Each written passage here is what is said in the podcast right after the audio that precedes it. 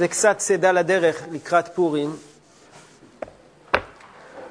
הגמרא אומרת במסרת מגילה, גמרא שכולם מכירים, הגמרא לא מופיעה בדף, כי הגמרא מופיעה בגמרא. אמר רבא, מחייב איניש לבסומי בפוריה עד לא ידע בין ארור המן לברוך מרדכי. אדם צריך להתבשם בפורים, להתבשם בדרך כלל, אומר רש"י, לבסומה, להשתכר בפורים, עד שלא ידע בין ארור המן לברוך מרדכי. ממשיכה הגמרא מספרת סיפור רבא ורבי זרע עבדו סעודת פורים בדעדדה, עשו סעודת פורים ביחד, רבא ורבי זרע, איבסום. שניהם התבשמו, אומר רש"י, נשתכרו, וקם רבא שחטה לרבי זרע. קם רבא ושחט את רבי זרע. למחר, מחרת בבוקר, ברחמה, התפלל עליו ואחיה, והחיה אותו. התלבטו מה הכוונה, באמת שחט אותו, פגע בו. מכל מקום הוא התפלל עליו והחיה אותו. ושנה, שנה לאחר מכן, אמר לעיני תימר ונביא סעודת פורים בהדדי. הזמין אותו שוב רבא את רבי זרע לסעודת פורים משותפת. אמר לו, הו-הו-הו, לא בכל שטה ושטה מתרחש ניסה. אני לא, לא מוכן להתנסות שנית שאתה תשחוט אותי ולמחרת תקים אותי לתחייה.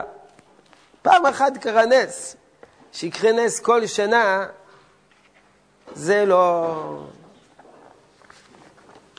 אי אפשר לבנות על זה. אז כמובן השאלה היא גדולה. מעבר לסיפור של רבא ורבי זרע, מה פירוש הדבר שהוא שחט אותו והחיה אותו, שזה דבר בפני עצמו, מה פירוש הדבר שצריכים להשתכר בפורים עד לא ידע בן ארור המן ברוך מרדכי? זאת אומרת ש... אדם בפורים צריך להיות כמו איזה שיכור, שיכור כמו לוט, שלא יודע להבחין בהבחנות הכי פשוטות והכי בסיסיות. הוא לא יודע ממהותו של יום, הוא לא יודע להבחין בין ארור המן ברוך מרדכי. הוא ברמה של שוטה, הוא ברמה של תינוק בן יומו. וזה מחייב איניש לבסומי בפוריה. זו השאיפה שלנו בפורים, שכולם יסתובבו בולבלים לחלוטין, שיכורים, יאספו אותם ברחובות, בניידות. זה, זה האידאל שלך, של פורים.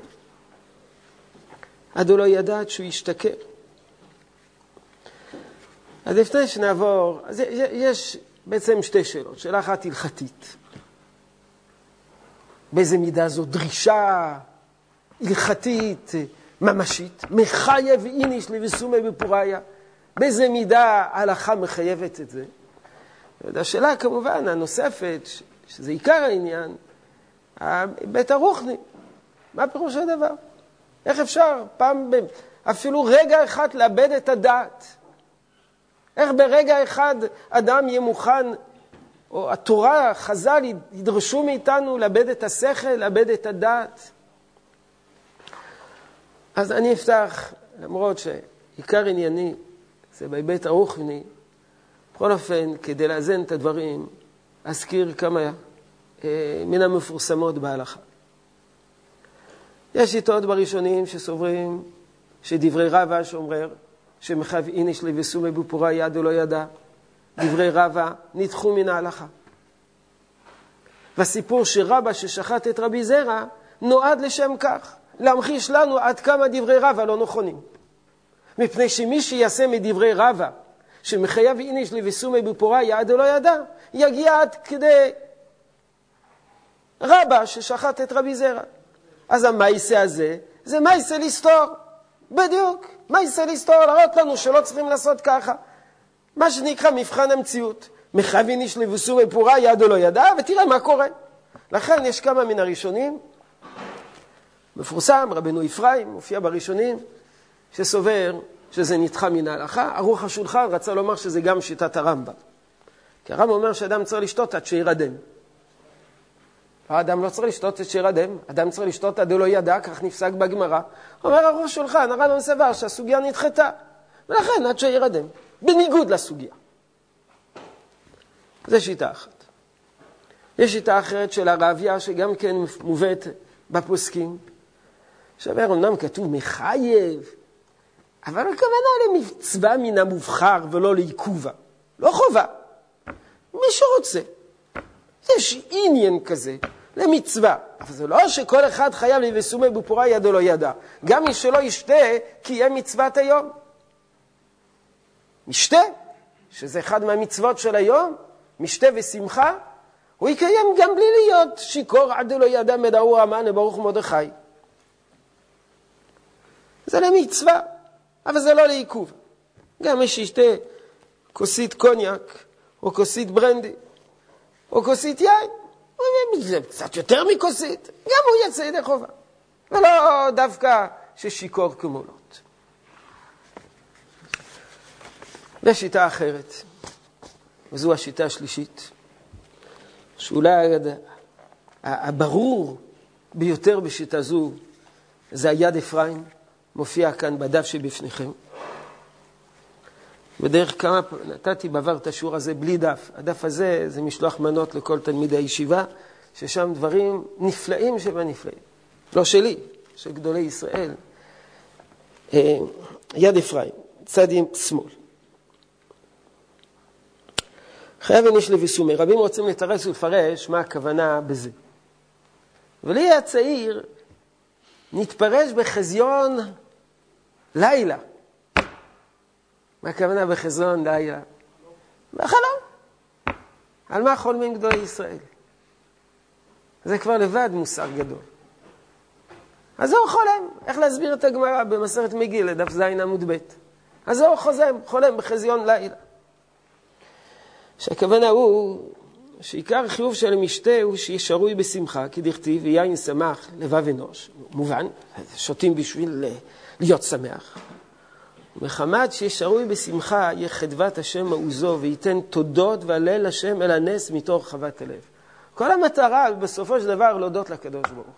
כל המטרה זה, לא אומרים הלל בפורים, אבל הודיה לקדוש ברוך הוא, זאת כל המטרה. וכדי שאדם ירנן לקדוש ברוך הוא, כדי שאדם יודה לקדוש ברוך הוא מתוך שמחה, אז הוא שותה יין, ואז הוא שמח, ואז מודה לקדוש ברוך הוא. ולכן, אין לו להשתכר יותר מדי. שיתבלבל דעתו, ולא יכיר בתוקף הנס כלל. אם אדם שותה יותר מדי, אז זה הפך מהמטרה. כל המטרה זה להודות לקדוש ברוך הוא מתוך שמחה, אם אדם שותה עד כדי כך שעכשיו הוא מבולבל והוא לא יודע בין ארוך המן ברור מרדכי, אז הוא מפסיק להודות לקדוש ברוך הוא, מפסיק להודות לקדוש ברוך הוא, זה הפך מהמטרה המקווה. וזהו שאמרו, חייב אדם לביסומי פוריה עד לא ידע, אך עד הוא ולא עד בכלל. וזה החידוש של רבנו אפרים, יד אפרים. שמה שכתוב עד לא ידע, הכוונה עד ולא עד בכלל. כי אתה תשתה, אבל עד שלא, אבל, אבל בתנאי שלא תהיה מבולבל. באופן כזה שתוכל כן להבדיל בין ארור המן לברור מרדכי, ומתוך כך זה תודה לקדוש ברוך הוא. אבל אם אתה שותה עד כדי כך שאתה לא יודע להבדיל בין ארור המן לברור מרדכי, אז, אז אתה כבר לא יכול להודות לקדוש ברוך הוא. לכן הגבול העליון, הגבול המקסימלי, זה כל עוד שאתה מסוגל לדעת בין ארור המן ברור מרדכי. ורוצה לומר שגדר חיוב השתייה בזה לבסומי, עד גבול דלא ידע. שמן הגבול הזה והלאה הוא ביטול כוונת חיוב שחייבו חכמים בבסומה, שהמטרה זה כדי שייתן הלל והודאה. שכיוון שהתמתבלבל דעתו כל כך, דו לא ידע בן אור מן, פשיטה שאין בו דעת, ותבונה לשבח ולפאר על תוקף הנס. ואתבונן אליו בבוקר, וראיתי כי נכון. דברים דומים כותב השפת אמת. כמובן לא שפת אמת אה, על פורים, על התורה, אלא שפת אמת על מסכת מגילה. הוא אומר שכתוב מחייב איניש לביסום בפוריה. ומתי מתי האדם חייב להתבשם? פעם ביום? פעמיים ביום? בסעודת פורים? אדם שהתבשם פעם אחת כבר יצא ידי חובה? אומר לא. כתוב מחייב איניש לביסומי פוריה. כל היום אתה צריך להיות מבוסם. אז לפי זה כל, הזמן, כל היום אתה צריך לשתות. אז גם אם אתה שותה כל פעם כוסית, אבל אם אתה שותה כוסית אחרי כוסית במשך יום שלם, אז בסוף היום זה כבר מחייב אשפוז אה, בחדר מיון. אם אדם שותה ושותה ושותה ושותה ושותה. אז אומרים, אז יש גבול. עד לא ידע, זה הגבול. אם הגעת למצב של עד לא ידע, אתה כבר פטור. תשתה קצת, ותשתה עוד קצת, על מנת להיות בבחינת לבסומי בפוריה כל היום. אבל יש גבול. ברגע שאתה מגיע לא ידע, אתה כבר פטור, זה הגבול העליון. גבול של פטור. גבול של פטור. היו גדולי ישראל שבגלל זה כל הפורים מצצו סוכריות בטעם יין.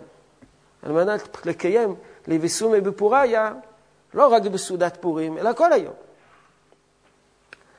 אני לא יודע, היא גם מצצו בלילה, כי בלילה אין מצווה לבסומי, כל המצוות הן ביום, כתוב שצריכים להיות מקצת בשמחה.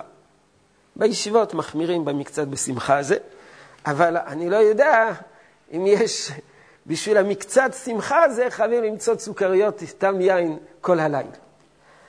אז זה הפירוש, זה הפירוש, ה...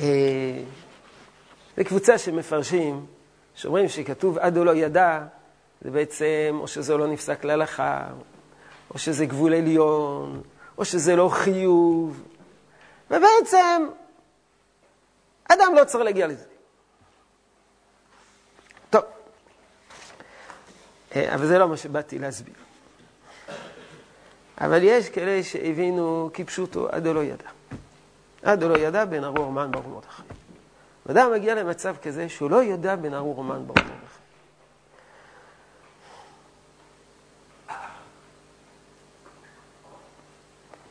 השאלה, אז מה, מה, מה הטעם בזה? מה הרווח בזה? מה העניין הוא לדעת בין ארור המן ברור מרדכי? למה להגיע לרמת בלבול כזאת? מה משיגים? מהי עבודת השם שיש בדבר הזה? אז יש כאלה שידוע, הרי מה פסק את הרמב"ם? ופירש הוא לא ידע בין ארור המן ברור מרדכי, אדם משיג על ידי שהוא נרדם. זה הפשט, לא שהוא מבולבל לגמרי, לא יודע להבחין בין יום, לחול, בין יום ללילה, ולא יודע להבדיל בין עמם לברור מרדכי, וכבר לא יודע איפה הוא גר, ולא יודע באיזה, באיזה ארץ הוא חי, ושואלים אותו ברחוב איפה אתה גר, ולא יודע איפה הוא גר. אלא שהוא נרדם. וזה, בזה הוא עד הוא לא ידע, שהוא נרדם. גם על זה יש מקום לשאול, אבל לא נספיק. אז מה האידאל? השיא של הפורים? פסגת היום, הנקודה העליונה ביותר של חג הפורים, זה להירדם. זהו זה. כל היום אני חותר לשתות עד שסוף סוף אזכה ויבוא זה לידי, תבוא זאת לידי תרדמה עמוקה. אז אני, כשהייתי תלמיד צעיר, אני זוכר כמה פעמים שבאתי לבקר את רבותיי, לא יודע, פורים, מסתובבים אצל הרבנים, בשביל לאחל פורים שמח, לשתות אצלו כוסית קטנה. אני זוכר שהיו כמה רבנים שנכנסתי אליהם ב-11 בבוקר, אמרו לי, הרב ישן. לבסומי בפוריה, שתה, נרדם. קימו את הדברים כפשוטו. עד שירדם. הדבר הזה מצריך בירור. במסגרת של השיעור הזה לא אעסוק בכך, כי אני בעיקר רוצה לעסוק בדעות שמס, ש, ש, שמסבירות מה פירוש הדבר עד לא ידע בין ארור המן לברוך מרדכי. אז הפירוש הראשון שאני רוצה להציג אותו בפניכם, שהוא פירוש שהוא פנינה.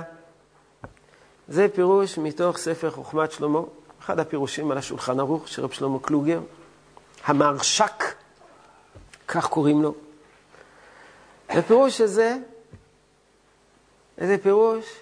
ארץ ישראלי, למרות שהוא נכתב באם בגלות המרה של יהודי אירופה, זה פירוש שהתנוצץ בו התנוצצות ארץ ישראלית, וכל מי שגר בארץ ישראל חייב להכיר את הפירוש הזה.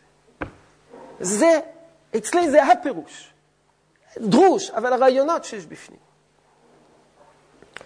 אציג את פה מה שאמרתי בחידושה לאורח חיים, שנת תקפ"ט. קצת פחות מ-200 שנה. מה שהיית לאל בסימן תרצ"ה, חייב לדעת ישומי בפורי יד, ולא ידע בן ארור המן ברוך מרדכי. ונראה לומר דבר חדש. דינם אמרו חז"ל, לחד דעה, וכך הם אומרים הלל בפורים. והם אומרים שירה על נשק בחוץ לארץ. לא אומרים שירה על נשק בחוץ לארץ. למה לא אומרים שירה על נשק בחוץ לארץ? כי זה שבחוץ לארץ זה, זה לא... זה לא אידיאל, זה לא שלמות, זה נס. אבל זה נס בתוך הסיבוך. זה נס בתוך הגלות. זה נס בתוך המצוקה. זה נס בתוך הצרה.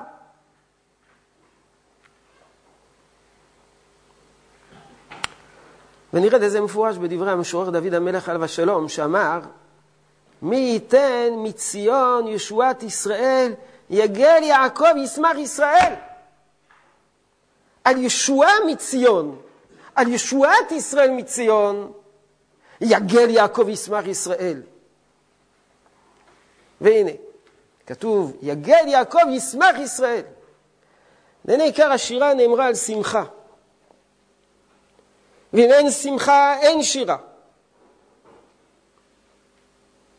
לכן אמר, מי ייתן מציון ישועת ישראל, אם הווה הישועה מציון, היינו מארץ ישראל, אז יגל יעקב וישמח ישראל. שמחה אמיתית יש של ישועה בארץ ישראל. כל, כל ישועה בחוץ לארץ, כולל הנס של פורים, זה נס בגלות. או כלשון חז"ל, שלא אומרים הלל בפורים, כי הכתב לאחשוורוש ענן. גם בלי הכת אחשוורוש ענן. זה לא המציאות, זה לא המציאות. זה לא זה. לא זה. אז נכון, עושים, ש, שעושים שמחות גדולות גם על ניסים בחוץ לארץ, ויד כיסלב אצל חב"ד על זה שאדמו"ר נושע וניצל, אבל זה ניסים שבחוץ לארץ. זה לא הניסים של, של המציאות השלמה, המתוקנת של כלל ישראל בארץ ישראל. אבל אם הישועה, אם מהווה הישועה מחוץ לארץ, ולא מציון, אין לישראל שמחה בכך. ולא יקשירה. וכך נראה, אף לאידך מאן דאמר דמסיק הש"ס בערכין דקריאה זו היללה. וכיוון שגלו חזרו לטרן הראשון, יש דעה אחת בגמרא שאומרת שקריאת המגילה זה ההלל של פורים, ולמה אומרים הלל שבחוץ לארץ? מכיוון שכשגלו, אז על, על ניסים שבחוץ לארץ גם כן אומרים הלל, כי, כי, כי זה מה שיש. מכל מקום עשו היכר, דאין נס חוץ לארץ וארץ ישראל שווים. אני אגיד את הדברים בעל פה ואחר כך אני רואה אותם בפנים. אומר עשו היכר. ההיכר הוא שהנס של חוץ לארץ שותים יין. למה? כי השמחה היא לא שלמה. בשביל שתשמח, אתה זקוק למשהו חיצוני. הנס שבארץ ישראל לא צריכים לשתות יין. הלב מתמלא שמחה. השמחה פורצת מתוכך הלב. אדם נמצא בארץ ישראל, ויש ישועה, ויש גאולה, ויש מצב ניסי, ויש מצב של, של הצלה של כלל ישראל. הלב מרנן מאליו, הוא לא זקוק לאמצעי עזר, הוא לא זקוק לאמצעים מלאכותיים. בשביל לציין שבחוץ לארץ הנס הוא לא שלם, והשמחה היא לא שלמה. אז אומרים, תראה, אתה תשמח גם על הנס וגם על המשקה. בשביל להגיד שלנס מצד עצמו אין שמחה שלמה, וזקוקים בנוסף לנס גם משקה. הצירוף של המשקה פלוס הנס יוצרים איזה מין, איזה מין אה, אה, שילוב של, שמשמח. אז המשקה, השתייה, זה לא יתרון, זה ביטוי לחיסרון. זה ביטוי שחסר. אי אפשר לשמוח באופן מלא. אז זקוקים לכמה קטליזטורים, זקוקים לכמה אמצעים חיצוניים. מכל מקום, הקר עשו. דהנה של חוץ לארץ וארץ ישראל שווים, ולאחר קבעו בפורים משתה ושמחה, זכר למשתה תחילה. ובכל הימים הטובים לא מצינו, רק מצוות השמחה ולא המשתה. במצו... ימים טובים דורייתא, לא צריכים לשתות, לא צריכים להשתכר. למה? כי יש שמחה עצמית. והיינו כאין דתקנו בפורים, לחלוק כבוד לארץ ישראל בתקנת המוקפים כמו שכתב הר"ן. כן תקנו עוד כל המועדים הנסים לישראל בארץ ישראל, או קודם בוהם לארץ ישראל, דרי כל הארצות שווים, לכך שייך בהם שמחה לבד. אבל לפורים, כיוון שכבר זכו בארץ ישראל מקודם, והווה ראוי שלא לשמוח כלל הנס שבחוץ לארץ, ולכך נעידי תקנו שמחה, תקנו משתה תחילה. שלא להיות השמחה מכוח הנס לבד, רק גם מכוח המשתה. כי דרך כל השוטה ליבו שמח, כל בן אדם שיכור שמח. אז בפורים אנחנו שמחים גם בגלל שאנחנו שיכורים. לא רק בגלל הנס, כי זה נס שבחוץ לארץ. ויהיה שמחה גם על ידי המשתה. להראות שגם המשתה גורם השמחה. ואין השמחה שלמה לנו. יען כי היה נס שבחוץ לארץ ולא של ארץ ישראל. ולכך אבי משתה ואחר כך שמחה. אחר כך אומר עוד הבדל. עוד הבדל יש בין נס של חוץ לארץ לבין נס של ארץ ישראל. גם לפי הדעה שאומרת שאומרים הלל בפורים, אבל איזה סוג הלל זה? קריאתה היא הללה. למה לא אומרים אה, הלל? למה לא אומרים הלל? אז אתם אומרים, אם צריכים לומר הלל, אז תגיד הלל. לא. בחרו הלל שלא אה, הלל. אה, מה זה הלל של פורים? מספרים סיפור דברים, זה הלל. לא הלל של שירי תהילים, מזמורי תהילים. לא הלל של, של אמירות גבוהות ונישאות כמו במזמורי תהילים, מה שאנחנו אומרים הלל. איזה הלל אה, של פרוזה, הלל של סיפור דברים. הלל זה אה, מה היה במשתה של אחשוורוש, ומה היה עם השתי ושתי המלכה. זה הלל של פורים. הלל מסכן. הלל מסוג אחר לגמרי. למה? כי זה נס של חוץ לארץ. אז אין אותה, אותה, אותה שירה עליונה, אותה התרוממות רוח שמשתמשת במונחים יוצאים מן הכלל, כמו בהלל הרגיל. אני ממשיך. אומר אה, רב שלמה קלוגר, אז אם ההלל של פורים זה לא הלל של מזמורי תהילים, אלא זה הלל של פרוזה. אז כל מי שמספר במהלך היום על מה שקרה בפורים, אז בעצם הוא ממשיך את ההלל. אז יודע שאומר בפורים, אה, ארור המן, ברוך מרדכי, אז זה, זה חלק מן ההלל.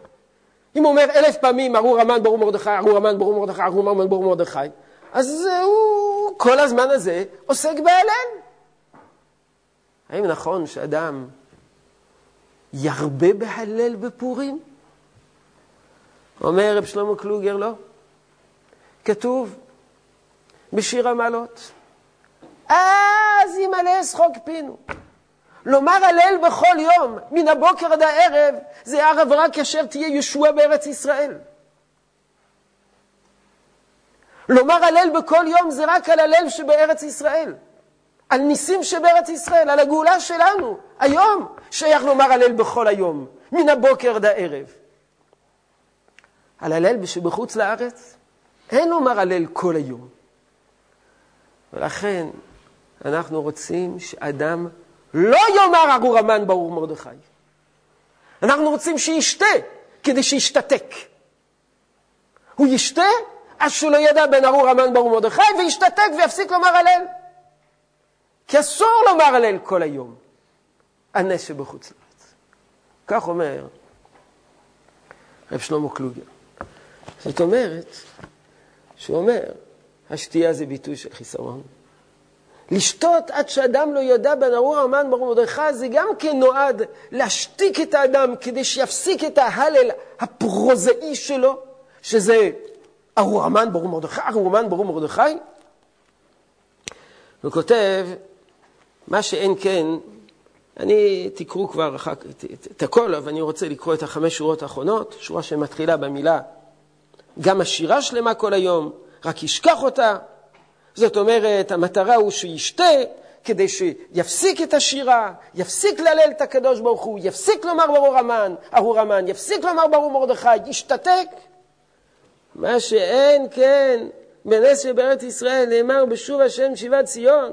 וינס בארץ ישראל, אז ימלא שחוק פינו, ולשוננו ימלא רינה כל היום, ולא נצטרך לשתות על מנת לשכוח את השירה. רק לשוני תהגה צדקתך, כל היום תפארתך. ויהיה השירה, תהיה השירה בשלמות. כן יהיה בעזרת השם יתברך, בעגלה ובזמן קרוב, ויבוא לציון גואל במהרה בימינו אמן ואמן. אני אומר, זה פרק, פירוש ארץ ישראל. פירוש שכל עניינו להבליט שסוף סוף כל העניין של פורים זה נס שבתוך המציאות של הגלות של הכת עבדה אחשוורוש ענן. ולכן השמחה היא לא שלמה, ולכן ההלל הוא לא שלם, ולכן ההלל הוא בניסוח אחר, וגם ההלל הזה צריך להיפסק, ולא צריך להימשך כל היום, וכדי לבטא שהשמחה חסרה שותים. כל הדברים האלה שנראים לנו למעליותה, הוא מסביר, שהם לגריותא.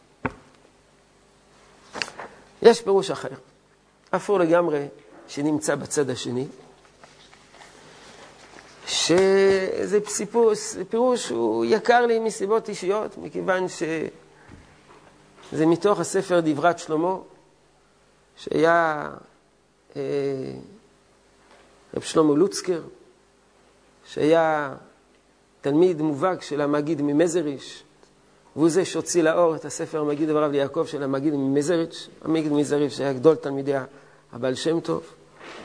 רב שלמה לוצקר, אה, הוא היה רבו של אדמו"ר מבלז הראשון, ואני צאצא שלו, דור אחרי דור, לכן אה, הפירוש הזה הוא יקר לי אישית, אה, אבל לא בטוח שאני מזדהה איתו. איתה בגמרא מגילה, כן, אני מזדהה איתו, אבל בהקשרים מסוימים, כפי שאני אפרט. ודאי שאני מזדהה איתו, אבל לא בהקשרים מסוימים. וכך הוא מסביר. איתה בגמרא מגילה, חייב איניש לי וסומי בפורה ידו לא ידע. ונדחקו המפרשים בפירושו. אמנם, הנה יש בית בחינות שהקדוש ברוך הוא עושה ניסים. הבחינה האחת. מודים ומשבחים על הקדוש ברוך הוא על שהוציאם ממצרים, מהמצרים, מן המצוקות, ופדאה ממוות לחיים. זה בדרך כלל מה שאנשים עושים. אם אדם יש לו אמונה, קרה לו נס, הוא מודה לקדוש ברוך הוא על הישועה, על ההצלה, על הפרנסה הטובה שהוא העניק לו, על כך שהוא, שהוא, שהוא, שהוא עלה ממצב מביש, אז זה שהוא יתרפא, אז זה שהוא יצא מבית האסורים, אז זה שהוא ניצול מן הים, אז זה שהוא הלך במדבר ומצא את הדרך. מודה לקדוש ברוך הוא על הטובה שהקדוש ברוך הוא עשה לו. אז זה שהקדוש ברוך הוא העניק לו טובה, והוא נהנה מן הטובה, והוא בבחינת מכיר תודה לקדוש ברוך הוא. וכל מי שכופר בטובתו של הקדוש ברוך הוא, הרי רשע. אבל יש בחינה שנייה. אינם שמחים כל כך על ישועתם ועל חיותם בעולם הזה, כי מה להם ולעולם השפל ונבזה הזה. מה אכפת לו? מה אכפת לו אם הוא עשיר? מה אכפת לו הוא עני? מה אכפת לו אם הוא חולה? מה אכפת לו אם הוא בריא? סוף סוף זה עולם הזה. מה שחשוב לו זה משהו אחר. ושמחתם אינה רק כשעושים להם נס, שיודעים שהוא התגלות יתברך, ובהירות אור פניו אליהם. הנס זה הארת פנים אלוקית. הוא זכה להארת פנים אלוקית. הוא זכה לפגוש את הקדוש ברוך הוא. הוא זכה להתייחסות אלוקית מיוחדת. לא הרווח האישי החומרי. הרווחתי כסף, התרפאתי, ניצלתי, יצאתי מבית הסוהר. הוא שמח בזה שהקדוש ברוך הוא התגלה אליו. הנס הזה זה על ידי גילוי אלוקי, הארת פנים אלוקיות. כמו שנאמר, ישועות פניו, הוא משיג יותר, ודבוק על ידי זה יותר באלוקותו, ובבהירות אור פניו יתברך שמו. הוא מודה ומשבח להשם יתברך על זה שהוא זכה לקרבת השם. לא על זה שהוא זכה שהחשבון בנק שלו גדל. לא זה שהוא זכה שעכשיו הוא יכול ללכת. עד עכשיו לא יכל ללכת. אלא בזה שהוא זכה לקרבת השם והוא דבוק בקדוש ברוך הוא. נמצא זה שמודה ומשבח הצלתו וחיותו, הוא לתשלום גמול לבורא. עשית לי טובה, אני חייב להכיר לך טובה חזרה. כמו מי שמעניק מתנה לחברו, מצפה שחברו יגיד לו תודה. זה, זה, זה, זה המינימום של המינימום. תשלום גמול, תגיד תודה. מה שאין כן זה שמודה ומשבח מה שמשיג יותר אלוקותו יתברך ולא להצלתו. מה שאין כן זה שההצלה לא מעניינת אותו, מה שמעניין אותו, מה שהוא זכה לקרבת השם, נמצא, הודה ושבח אינם לתשלום גמול, צריכים לתקן במקום נ"ג, גמול לבורא. רק מחמת אהבה ונדבה. אוהב את השם, מרגיש קרבת השם, מרגיש אהבת השם. הנס שקרה לו גרם לו תוספת אהבה לקדוש ברוך הוא. ומה גם? כל עוד שמשיג אותו יותר, אוהבו יותר, ולכך משבח אותו, נמצאו בתורת נדבה. וזהו שאמרו, חייב איניש לבסומי בפוריה. עד לא ידע בין ארור המן ברור מרדכי. אדם צריך להגיע למדרגה כזאת, שלא אכפת לו בכלל מארור המן, לא אכפת לו מהגזרה, לא אכפת לו מן ההצלה, לא אכפת לו מארור המן שזאת הגזירה, לא אכפת לו מברוך מרדכי שזאת ההצלה, כל זה, זה דברים שוליים, זה לא הנקודה העיקרית. הוא צריך להיות מעל זה. זכינו להתגלות אלוקית. זכינו להופעה אלוקית. זכינו להארת אור פניו. אז הוא לא יודע, אכפת לו ארור המן, אכפת לו מרדכי, לא אכפת לו מהגזירה, לא אכפת לו שהמן רצה להרוג אותו, לא אכפת לו שהמן רצה להשמיד אותו, לא אכפת לו שהייתה לה הצלה ושבסוף עם ישראל ניצול, לא אכפת לו שמרדכי אחר כך הולך בתרת זהב ותכלת וחור וכדומה ומקבל את הארמון שלה, וזה זה, זה, זה, זה, זה דברים קטנים. מה שחשוב לו, שהוא זכה, שעם ישראל זכה להערה אלוקית ולגילוי אלוקי. כך הוא מסביר. וזהו שאמרו, חייב איניש לבסום ופוריה, וזה עיקר, יהיה עיקר שמחתו. לא רק הבחינה אחת, שכל שמחתם הוא על הצלתם, ועל ידי זה מקללים את הרע להם, את מי שהרע להם, את המן, ורצה להרע להם, ולעמיתם, ומברכין ומרדכי שהציל אותם והחיים. מה שאין כן בעלי הבחינה השנייה. אינם יודעים למה לקלל ולמה לברר, זה לא מעניין אותם, לא המן ולא מרדכי. כי אינם שמחים על הצלתם, אלא על זה שהם זכו להארת פנים אלוקיות, וזהו שאמרו עד לא ידע.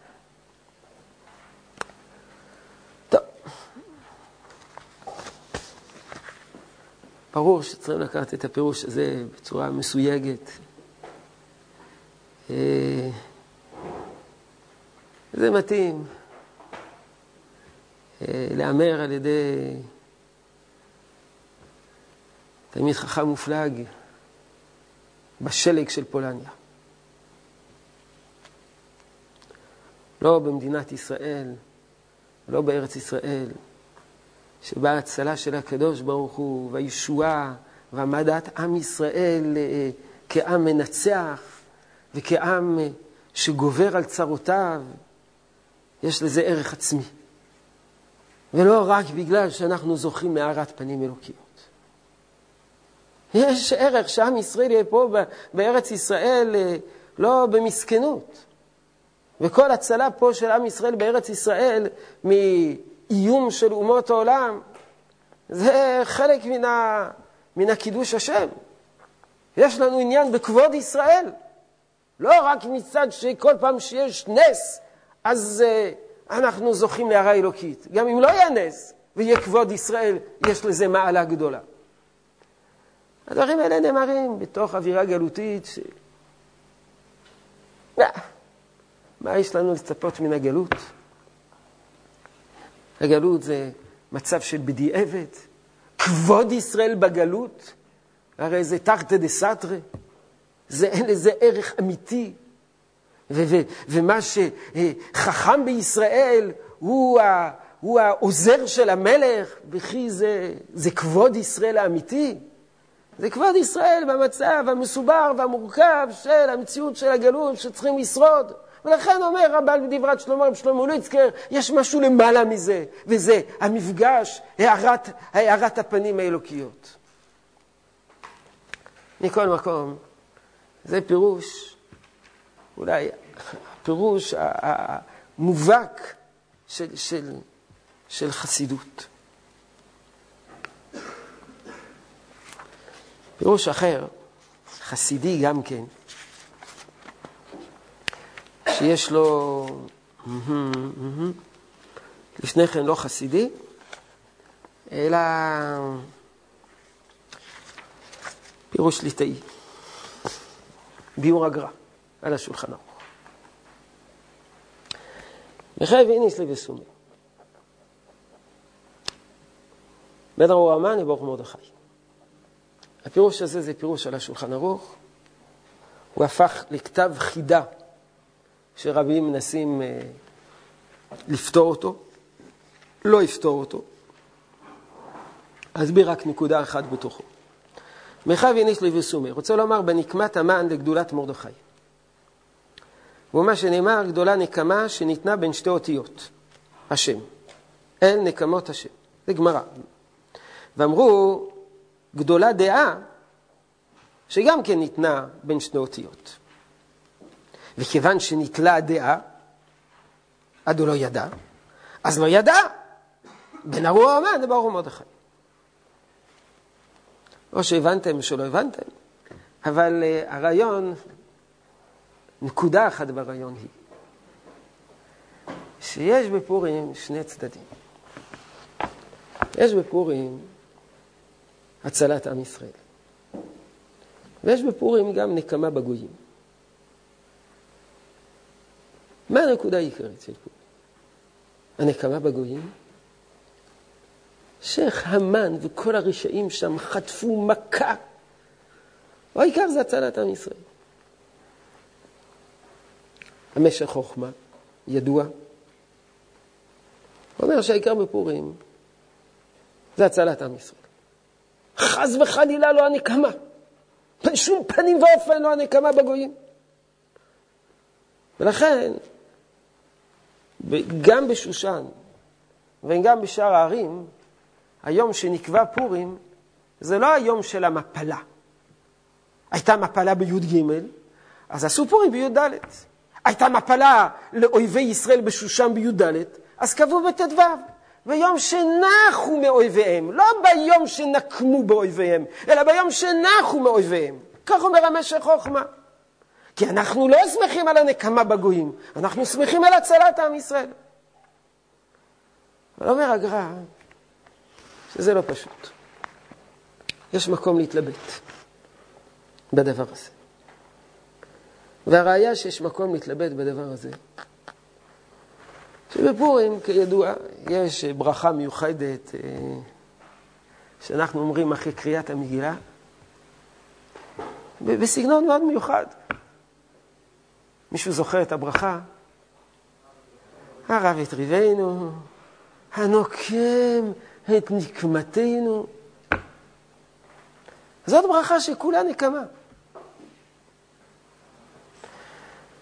אז יהודי בפורים מתלבט ושותה עד שלא ידע מה העיקר, העיקר זאת הנקמה, העיקר זאת ההצלה. כך אומר הגר"א. גם התז, כבר קדם אותו התז, בסגנון דומה, התז על השולחן ערוך. שזאת ההתלבטות. האם עיקר זאת הנקמה? כל השנה כולה אנחנו לא מדגישים את הנקמה. כל השנה כולה אנחנו שמחים בהצלה. אבל אולי פורים זה יום מיוחד שאנחנו כן שמחים בנקמה. אנחנו שמחים בנקמה באויבים. אנחנו שמחים בסילוק הרע מן העולם, לא רק בחיזוק הטוב בעולם, אלא גם בסילוק הרע מן העולם. וזה עד לא ידע, הוא לא ידע מה המשקל העיקרי בין ארור המן ברור מרדכי. אז כל עוד שהוא צלול, אז יכול להיות שהוא חושב בשיקול, נקרא לזה, ההומניסטי של כל השנה כולה, ברוך מרדכי. העיקר זה הצלה, אין עניין בנקמה ברשעים. אבל אחרי שהוא שותה, הדברים מתחילים לא להיות מספיק ברורים. הוא לא יודע, לא יודע, ארור המן ברוך מרדכי, לא שהוא מבולבל עד לחלוטין, הוא לא יודע, הוא מתחיל להגיד, ארור מרדכי ברוך המן. לא, זה לא. זה אולי בפירושים הקודמים. לפי הפירוש של הגר"א, הוא לא יודע איזה משקל יש לארור המן, הוא לא יודע איזה משקל יש לברוך מרדכי. מהו הגורם הדומיננטי בפורים? איזה מחשבות צריכות ללוות אותנו? האם האדם, יודעים, איזה יהודי אחד שכל כך לא יכול לסבול את פורים, שהוא חשב שאם הוא יהיה בפורים דמוקופים בתל אביב, או בפורים בפרוזים בירושלים, אז הוא יהיה פטור מפורים. כי, כי הוא לא יכול לסבול את הממד של הנקמה. אז יש בפורים ממד מסוים. פעם בשנה יש צד כזה. וגם על הצד הזה אנחנו לא יודעים מה המשקל שלו. אומר הגר"א, אז הוא לא ידע. בדומה לזה, אני, יש עוד שלושה פירושים, אני אזכיר רק אחד, ואת היתר אידך זי לגמור. הפירוש בעמוד הראשון של אבני נזר. זה המשך של הפירוש של, של, הפירוש של הגר"א.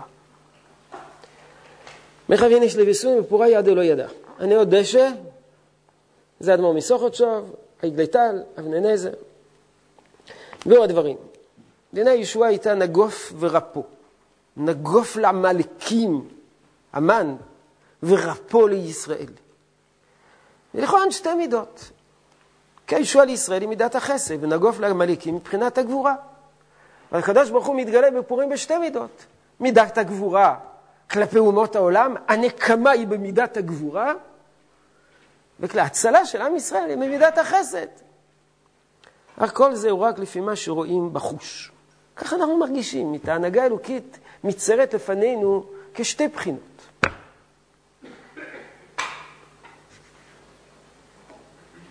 אנחנו מרגישים את זה, חווים את זה בשני צינורות. בנפש. אבל באמת עיקר המידה אינה כן.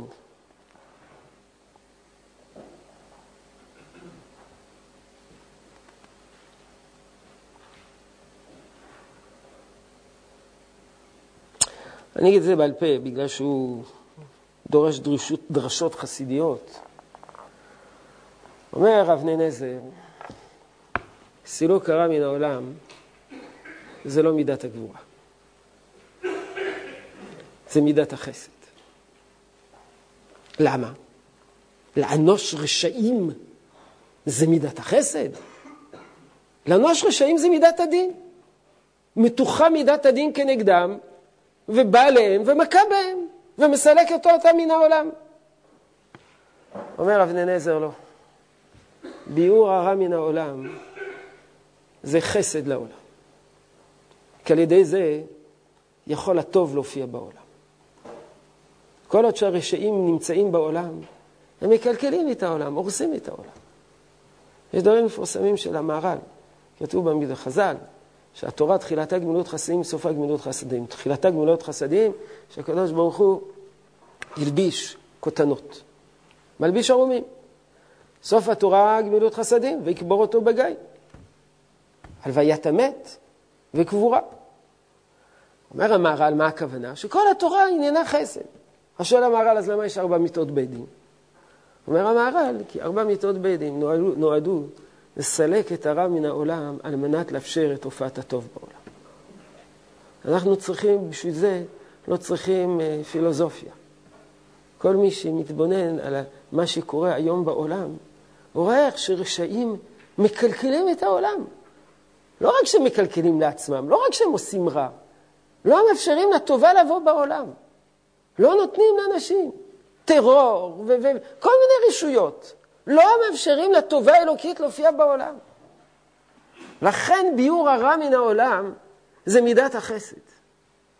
למה? כי היא מאפשרת לאור האלוקי להופיע בעולם ולטוב האלוקי לשכון בעולם. העולם הזה הוא טוב, רק שהרשעים מקלקלים אותו. ככה אנחנו מאמינים, כך כותב הרמב"ם במורה נבוכים. שברגע שתסתלק הרע מן העולם אז יהיה טוב. טוב בכל המובנים. אז עד לא ידע בין ארור המן ברור מרדכי. במבט שטחי, יש הבדל בין ארור המן ברור מרדכי. זה מידת החסד וזה מידת הדין. אבל אדם מעמיק ומעמיק ומעמיק עד שהוא מבין ששתי הבחינות האלה זהות. והוא מבין שגם ארור המן, גם ביור הרע מן העולם, זה מידת החסד, וזה לא מידת הדין, זה לא מידת הגבורה, אלא זה רע אלוקית. אבל אומר אבני נזר, לא מספיק שתדע את זה פילוסופית. עד הוא לא ידע. ידיעה הכוונה חוויה פנימית. עד שאתה תחוש את זה, עד שאתה תרגיש את זה. הנה אני אקרא כמה שורות, ובזה נסיים שורה שמתחילה היזק, שבע שורות לפני הסוד.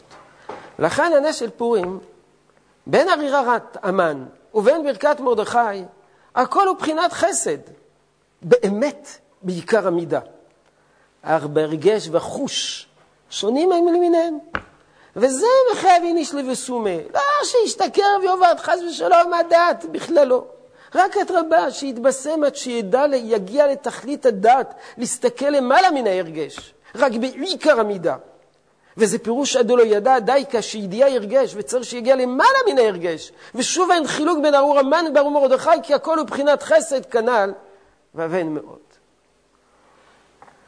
אז יש פה מה שעשיתי קצת ציוד רוחני לקראת הפורים, כמה מחשבות, בכללם מחשבות שהן בחינות ארץ ישראל, וחלק מהן מחשבות מבחינת אה,